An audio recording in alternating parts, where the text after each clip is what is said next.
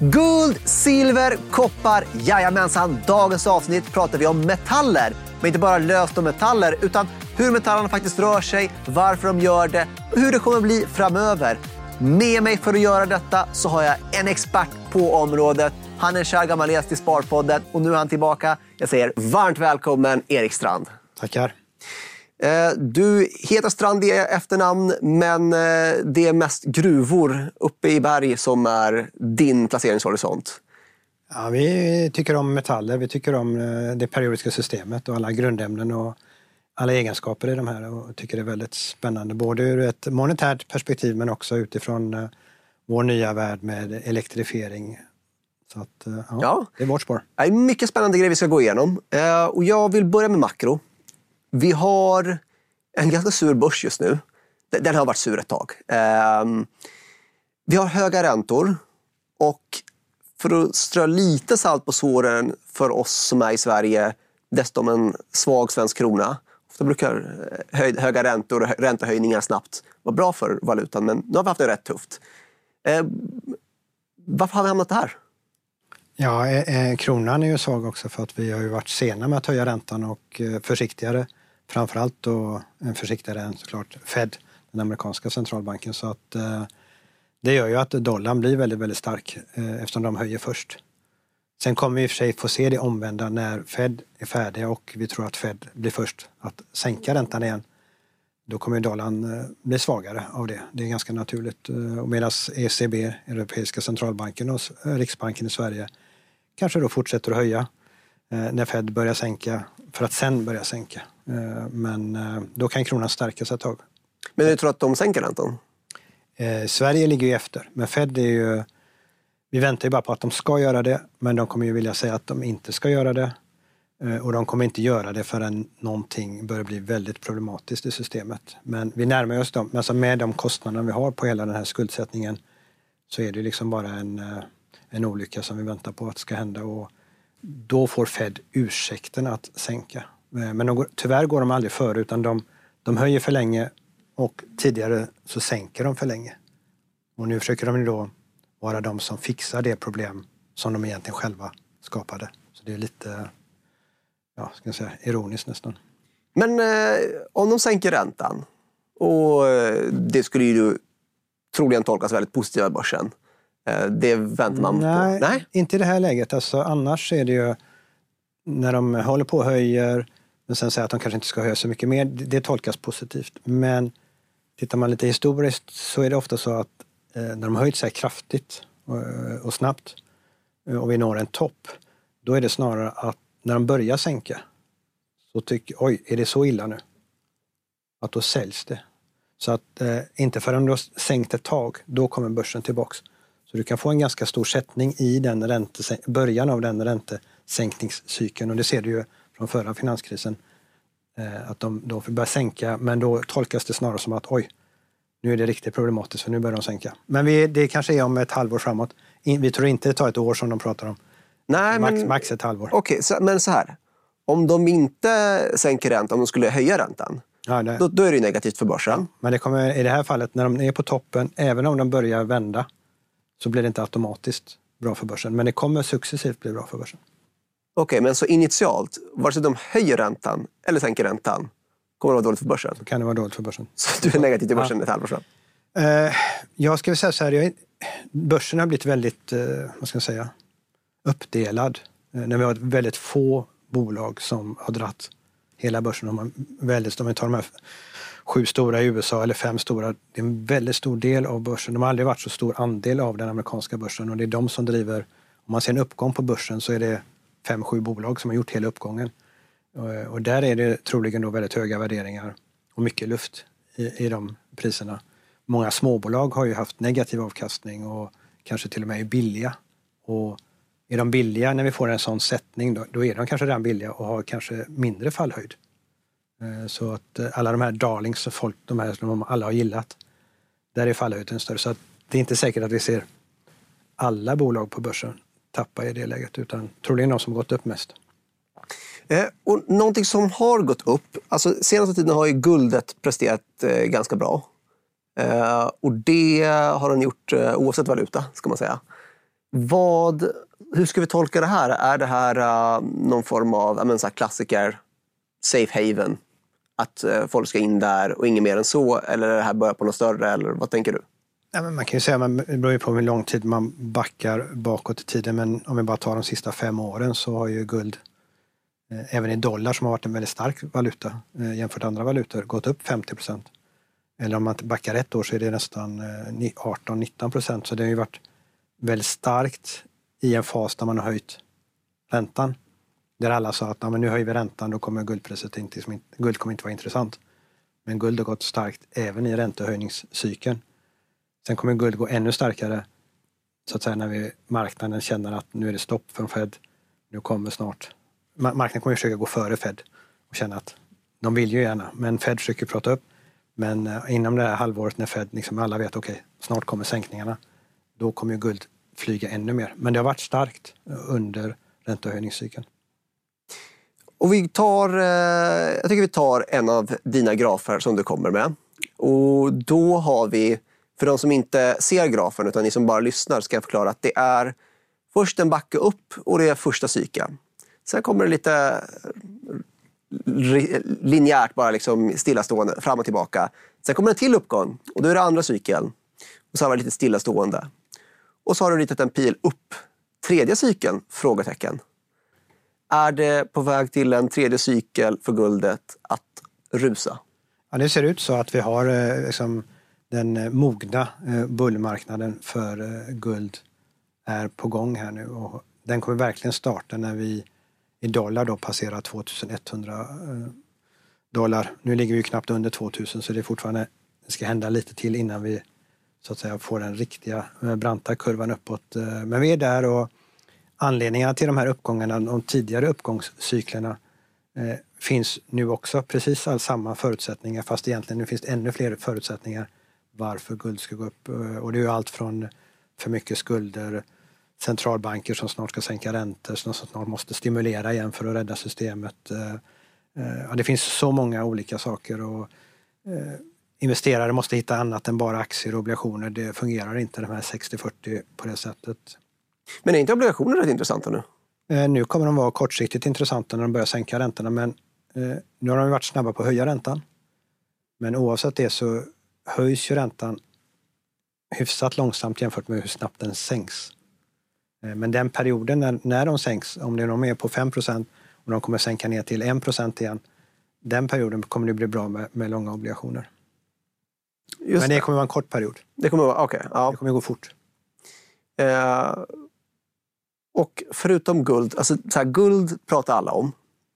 Men det finns ju fler råvaror som är, eh, det som du investerar i, del som är intressanta. Hur ser du på silverpriset då? Har den samma potential eller är det ett helt annat case? Eh, alltså silverpriset, jag pratar potential så är det mycket, mycket större. Eh, dels för att det är ett väldigt nedpressat pris. Dels att det är den enda metallen som har köpare, investerare, eh, ungefär 50 procent av marknaden och industrin ungefär 50 procent av marknaden som konkurrerar om samma råvara. I guld är det ju 90 procent investering, 10% industrin. Koppar är det ju i princip bara industrin som köper. Så att eh, där är ju silver unikt. Eh, och du måste ha silver i varje kamera, i varje mobiltelefon, varje dator, i varje bil, även om det är väldigt lite. Så du kan inte göra en, 30 gram silver i en bil, men du måste ha det. Och det finns inga lager att ta från. Eh, och vi närmar oss en fysisk brist. Och när den slår in och industrin börjar tävla, inte investerare utan industrin, eh, då finns ju egentligen ingen gräns för prisuppgången. För fin, eller ja, det fina för en silverinvesterare i det läget är ju att eh, även om priset går upp väldigt mycket så ändrar det sällan produktens slutpris. För det är fortfarande en väldigt liten andel av en bil i, i, i kronor mätt eller dollar mätt som går in det. Men du måste ha det. Så Volkswagen, Mercedes, Tesla, de, spelar ingen roll priset, de måste bara ha det före de andra framförallt. Och jag tror bilindustrin är väldigt intressant där i och med att de hade problem med halvledare. Ingen VD vill sitta där igen. Att vi, kan, vi har alltid en bil men vi har inte de här 20-30 grammen. Men på det så blir det ju ändå lite att den påverkar konjunkturen. Alltså ju mindre bilar och ja. allt som produceras. Ja, absolut, det är en industriell metall, 50 procent, så att uh, den påverkas mer uh, av den biten. Men samtidigt, i och med att silver är det, den metall som leder el och värme bäst av alla uh, och är hållbar och böjbar och alla de här funktionerna. Och vi är ju i en stor trend av elektrifiering. Så att vi ser ju att behovet och mängden som behövs kommer att öka. Och solenergin kräver också mycket silver. Och vindkraft, allting behöver silver. Men på tal om leda, eh, om silver är bäst då, så är ändå koppar rätt bra och rätt viktigt. Koppar är väldigt bra, det är nummer två. Och, och, men, men skillnaden med koppar och silver, det är väl att om det var lite mängder silver som behövdes för väldigt mycket, så behövs det ju ofantliga mängder koppar för det man har tilltänkt bygga ut. Ja, men alltså koppar Koppar är, är, känns väldigt, väldigt intressant för att eh, man använder det för att leda eh, energin. Och det är svårt att ersätta det på något annat sätt. Eh, det är inte riktigt lika bra som silver men eftersom koppar är billigare så använder man koppar. Liksom det är inte värt. Eh, om det är väldigt viktigt, då använder man silver. Men är det inte så lika, lika, lika viktigt, då tar man koppar såklart eftersom det är billigare. Och det går åt väldigt, väldigt mycket koppar och det alla de ledningarna bara från ett vindkraftverk ute i, i havet Alltså strömmen ska ju in till oss här på land. Eh, och det är stora kab eh, liksom kablar med mycket koppar som ska dra, dra energin eh, till oss. Och i en bil från 20 kilo koppar till 50 kilo i en elbil från en vanlig bil så kan vi bara räkna på det, den här trenden när vi byter och blir mer och mer elbilar. Så överallt kommer det krävas väldigt mycket mer koppar och eh, väldigt svårt att starta nya projekt. Det tar ju tio år så det är inte att trycka på någon knapp, nu utvinner vi mer koppar. Eh, och det, priset kommer att gå upp ganska mycket för att företagen kommer vilja investera i, eh, i nya projekt. Så du är, okej, okay, vi pratar lite guld, vi pratar lite silver, vi pratar lite koppar. Av de tre, vilken ser du som uh, the safest bet? Och vilken ser du som... Guld är ju absolut safest bet i alla lägen där. Vilken då? Guld. Guld? Ja, absolut. Men eh, safe, alltså, vill vi, pratar vi avkastning, eh, då är ju silver mest intressant. Eh, men koppar är ju fortfarande också väldigt, väldigt intressant. Det som koppar har lidit av nu är ju att det ännu mer är i infrastrukturen. Och där Kina då har haft problem. Eh, och den här liksom, ja, så motorn har inte fungerat ute i världen och det har ju liksom varit, eh, det är ju negativt för de industriella metallerna. Samtidigt så ser vi att Kina har nu då börjat komma med stimulanser. Först ut med mer stimulanser, bland annat för att rädda fastighetssektorn men även för andra saker, att få igång Kina efter covid-nedstängningarna. Eh, och vi ser ju också att USA vill satsa mycket på infrastruktur, bygga om hela sitt eh, kraftnät och det, det kommer bara det kommer gå åt eh, extremt mycket metaller. Så marknaden tittar på konjunkturen och den är inte så jättepositiv. Men jag tror marknaden har inte riktigt tittat på behovet av metallerna. Så att jag tror att eh, metallerna kan komma att gå starkt oavsett konjunkturen. Men man får ibland eh, en bild när du pratar att du investerar i metallerna direkt, liksom att du investerar i mm. koppar och så. Men eh, egentligen så investerar du i gruvbolagen som utvinner de här eh, i stor del. Det finns även andra grejer du investerar i, men till stor del. Eh, skillnaden är bara i guld för guld är väl den enda du investerar i direkt? Har jag tolkat det Ja, lite silver och platina och palladium också. Men, och det, det finns två anledningar till det. Och det ena är att eh, det är bara i ädelmetaller som du kan handla till spotpris. Och det, då får du den avkastning som, som eh, råvaran har, ett till ett. Går du in på andra råvaror, om det är andra metaller eller olja, så det är futures, och som du, alltså terminer som ska rullas och du får i, i en kontango, en uppåtgående marknad, så får du inte hela avkastningen. Alltså råvaran går upp 40 procent men du får bara 20% avkastning och då är du inte glad. Medan i guld, silver, platina och palladium, om du investerar där i råvaran och det går upp 40 procent, då får du 40 procents avkastning. Så att ädelmetaller är mycket mer intressant att investera i om man ska gå på själva råvaran. Eh, sen är jag också av den åsikten att när vi kommer till industriella metaller, silver är lite mittemellan, men om vi tar de andra, rent industriella, Eh, om det då är, om det är koppar eller uran eller vad det än är, eh, så är ju, ska man inte undanhålla världen eh, den här råvaran. koppar eller uran. Att jag sitter på massa koppar så kan inte världen använda koppar eller uran. Utan då är det ju bolagen som är intressanta. Dels slipper man det här att rulla olika terminer eller futures och dels så, eh, så undanhåller man inte utan snarare är med i att det utvinns och att det utvinns på ett bra sätt. För vi är ju väldigt engagerade i bolagen också när det gäller hur, hur de utvinner. Är inte det en konsekvens också att... Eh, för förut har, när man pratat med dig så känns det som att det alltid har varit eh, bara metaller och annat. Och att nu när du har massa gruvbolag så kommer du kunna prata om saker som utdelning, aktieåterköp. Mm. Och vi har ju faktiskt en graf som eh, du tagit med dig. Mm. Rubriken är Mining companies are swimming in cash. Lätt tolkat, det flödar pengar och de har, eh, det sitter fast hos dem. Vad ska de göra med pengarna? Precis, de har ju lite kan man säga att de har lärt sig från tidigare misstag eller eh, lärt sig läxan lite. Det började redan 2000 när de hedgade sin produktion för att ha en stabilare intäkt framöver. Och det gick ju helt fel för då gick ju priserna upp eller råvarupriserna upp och så blev ägarna jättearga. Så de har ju slutat att hedga, eh, vilket är bra.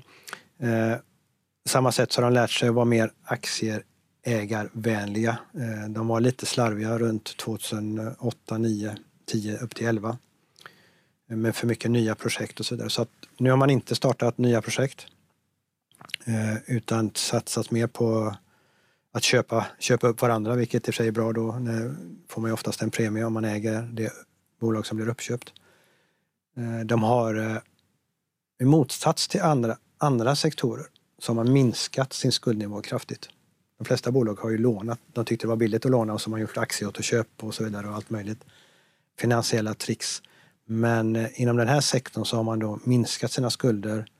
Eh, men då tack vare att priserna har varit relativt höga och väldigt stabilt höga, alltså genomsnittspriserna, eh, så tjänar man mycket pengar. Och det blir ju att, vad gör man då? Ja, då har vi utdelningar. Flera bolag ligger över 5 i utdelning.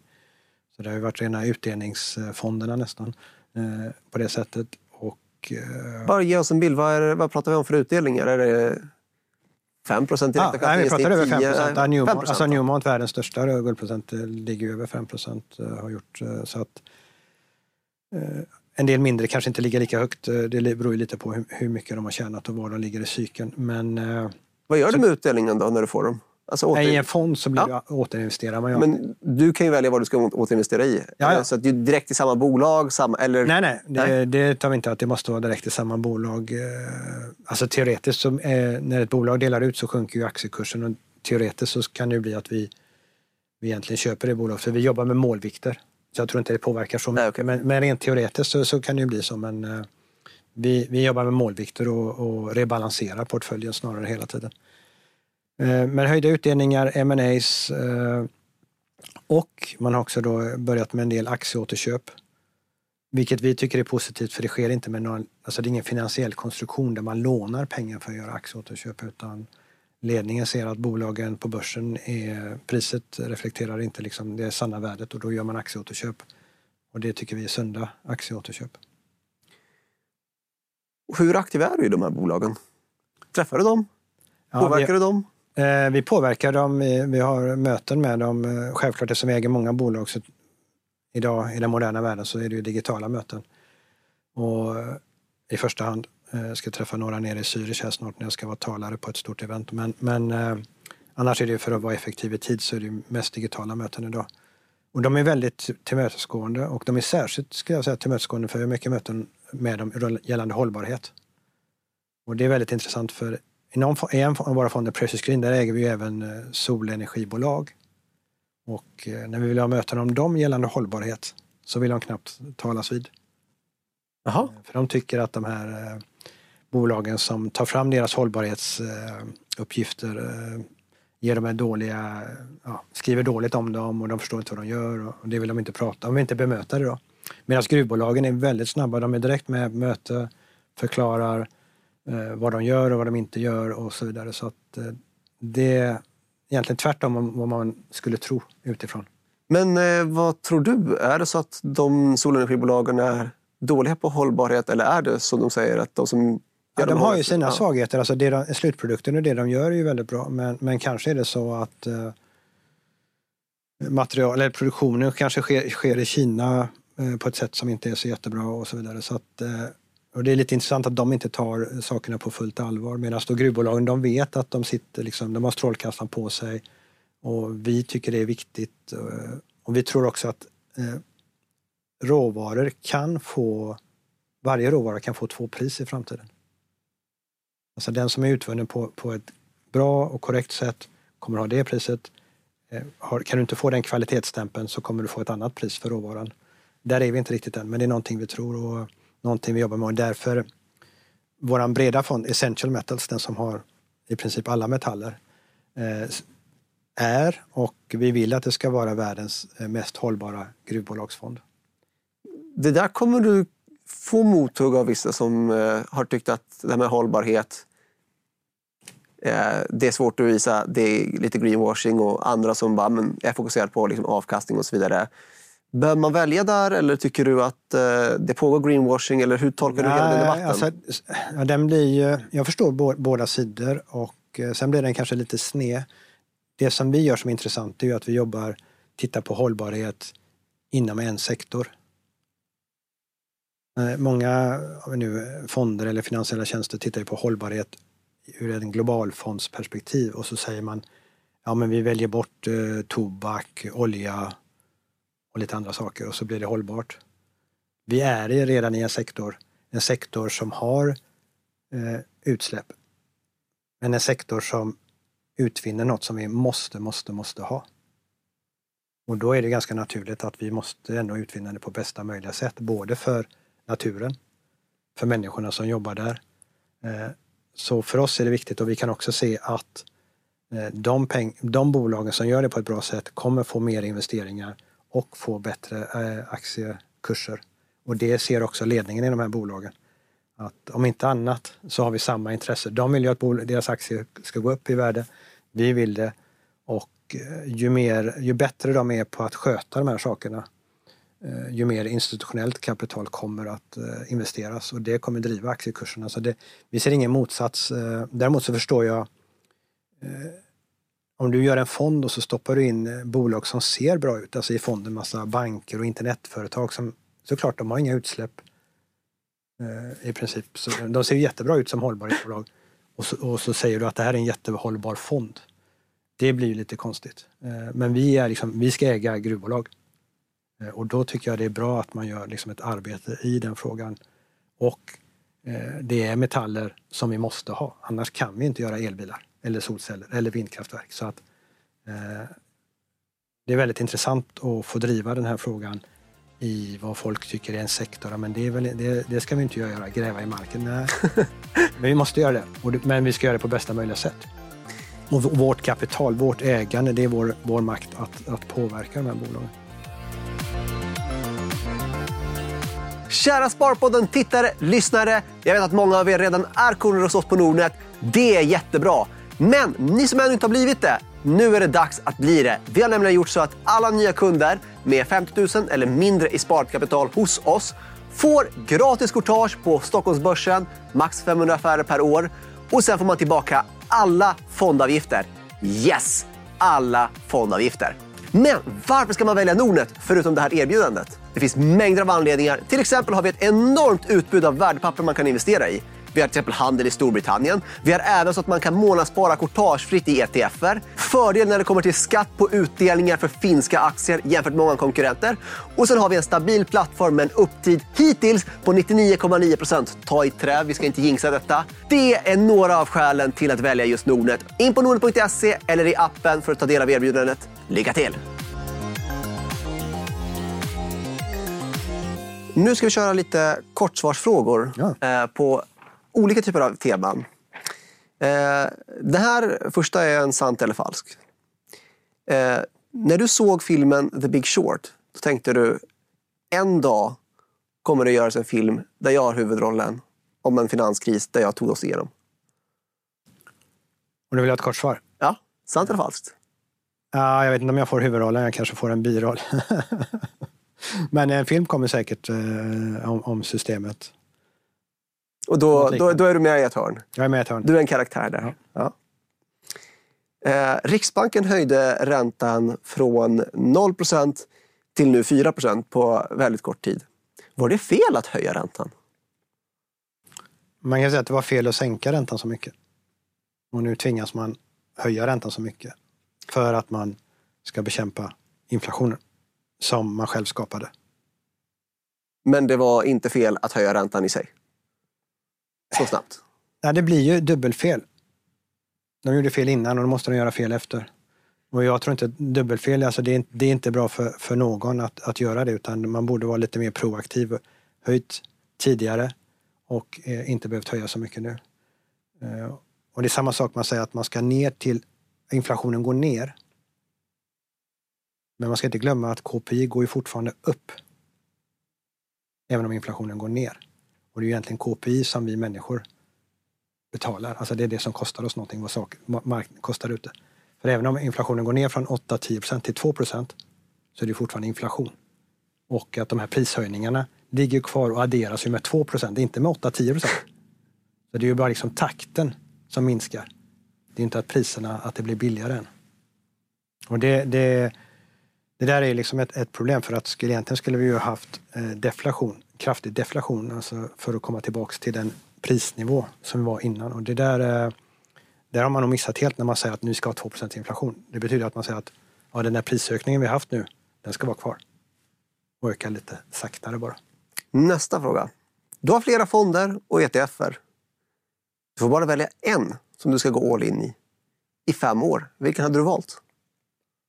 Ja, jag är ju Silver Bullet. Det, det är, min, det är den första bebisen och, och, och flagg, flaggskeps, flagshipfonden. Högst volatilitet, högst risk så att eh, det, det kanske inte är så bra, så bra men eh, jag, jag måste välja en. Och jag visste att du skulle säga det. Ja. Eh, för att du är så varm inom silver. Så den fjärde är så här. Du ser silverpriset gå upp och ner och din puls är alltid hög när du kollar.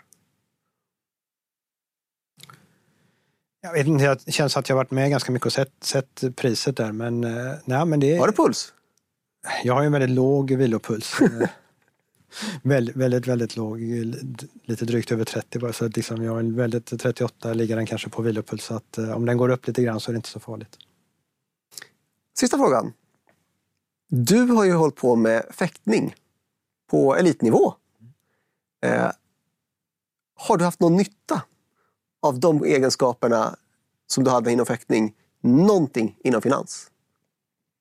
Jo, men det måste man ju verkligen säga att eh, man ska säga först och främst att, att tävla så mycket som gjorde, alltså med alla VM och, och OS. Eh, det är ett mynt, med, mynt om vi pratar pengar med, pengar, med två sidor. Och det ena är att man får en drivkraft liksom, att tävla och, och vilja uppnå saker. Eh, samtidigt, andra sidan är ju att man är aldrig nöjd. Och det är alltid lite tråkigt. Man, man når massa saker men man blir aldrig riktigt nöjd för man vill hela tiden mer. Och, så det där har jag kämpat med ganska mycket. Sen något som jag kom på lite senare, vad jag tror är bra, det är att när man idrottar så tvingas man eh, förlora väldigt mycket. För hur bra, hur bra man än är, eller är världselit, så förlorar man ju till slut hela tiden. Och att ta sig tillbaks från att ha förlorat till att jag jag ska gå en ny match, en ny tävling. Att man inte börjar bli rädd för att förlora. Eh, för jag tror när man blir rädd, alltså när rädslan tar över för att våga med, våga igen.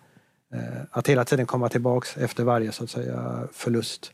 Det tror jag är väldigt viktigt eh, även inom finans. Att, det händer saker och det, det är inte alltid, går inte alltid bra men att man hela tiden står upp, är stark och inte tar förluster eller nedgångar som något personligt utan det är snarare något som triggar den och skapar ännu mer energi. Eh, och det driver på så istället för att börja bli rädd för att förlora och undvika eh, känslan av att förlora. För då tror jag att man, man... Det är skönt att undvika det men jag tror att man hamnar fel då. Och när du eh, var ute och fäktades, du var på du säger OS, VM, mycket resor och så vidare. Hur sjutton hamnade du inom finans? Oj. Har, har, det med saken att göra eller var det så att du pluggade finans vid sidan om din fäktning? Nej, alltså jag höll ju på med matematik var mitt liksom, favoritämne men eh, gjorde aldrig färdigt det för jag tyckte, jag gjorde väl två år på universitetet men jag tyckte det var, folk skulle bara lära sig allting utan till. Jag, jag var fascinerad av matematik och logik. Eh, så det, jag tyckte det, det var lite tråkigt där faktiskt i, i universitetsnivån. Och samtidigt så kom jag in, eh, ja, det var på ett försäkringsbolag, men försäkringsbolag jobbade med finans då. Eh, och det var Folksam som var då ändå idrotten, de höll på mycket med idrott. Ja, de tror jag fortfarande ganska mycket ja, där. Och det kanske andra gör också, men, men de höll på mycket och det var fotboll, IFK Göteborg och allmänt idrottsintresserade. Och på något sätt så kom jag in där med kopplingen. Så det hade lite med idrott att göra, hur jag kom in i fond och försäkringsbranschen kan jag säga, men nu pratar vi 90, 1990. Mm. Sen har resan gått vidare i finans. Och du håller på med råvaror och det har inte alltid varit rätt att vara råvaruinvesterare. Det var väl ett bra tag det var eh, flera råvarufonder lades ner. Liksom. Eh, men du har hållit på. Var det jobbigt den perioden? Eller var det någon du önskade, bara, kan inte jag bara ha någon så här vanlig aktiefond också och bara liksom gilda på, köra lite teman och så vidare och hoppas att det går vägen? det kan ju faktiskt varit så. Eh, nej men det känns eh, väldigt roligt med metallerna just när vi kommit in på egenskaperna. Det är ju grundämnen och då ska vi veta att luft, vatten, olja är inte grundämnen utan här är vi nere på grundämnena och egenskaperna och bara det här att du kan återvinna eh, guld, silver, koppar som vi pratat om hundra gånger och ämnet har exakt samma egenskaper. Eh, så det är väldigt cirkulärt på det sättet med metaller. Och att metaller har varit eh, pengar, alltså guld och silver, i, i så många tusen år. Varit med mänskligheten i så många tusen år. Och som vi nu är inne i vad vi kallar för tredje metallåldern. Och då får vi backa hela historien för mänskligheten att eh, när vi gick från stenåldern, vi levde ju en gång i stenåldern, vi människor, eh, så kom ju så både järn och bronsåldern när man började göra knivar och kunde göra knivar med metall. Och det var ju som verkligen en eh, revolution, en utveckling för mänskligheten när vi kunde börja göra det. Redskap med metall. Eh, det var väl den första metallåldern. Eh, den andra kommer kanske i, ja, det finns, man kan dela upp det på flera sätt, men i mitten från 1800-talet, 1850 och framåt, alltså den industriella revolutionen när vi börjar göra tåg och båtar, sen bilar, flygplan, eh, skyskrapor. Allt är ju bara tack vare metall.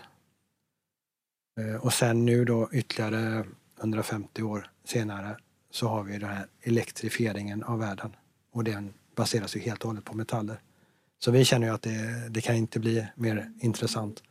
Sen att den vanliga marknaden har tittat på, det har funkat att ha bara aktier eller bara obligationer, en kombination av detta vi ser väl också där att eh, de marknaderna blivit väldigt stora eftersom man har tryckt så mycket pengar.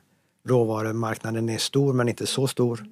När vi ser en rotation av pengar från de här stora grupperna som blivit så stora på grund av uppgångar till då kanske råvarumarknaden Eh, så kommer vi se otroliga uppgångar i den marknaden som kommer föda, föda sig på sig själv sen. Så att eh, väldigt, väldigt spännande framtid ska jag säga. Och, eh, eh, oavsett eh, om man tittar på vad, vad, man ska ha i en portfölj så är liksom att ha tillgångar som har låg korrelation, samvariation, är ju alltid bra för att få ner risken och öka avkastningen. Och där passar våra fonder in egentligen med alla. Om du har en eh, teknikfond eller en småbolagsfond, vad du än har, och adderar våra fonder så får du en bättre portfölj.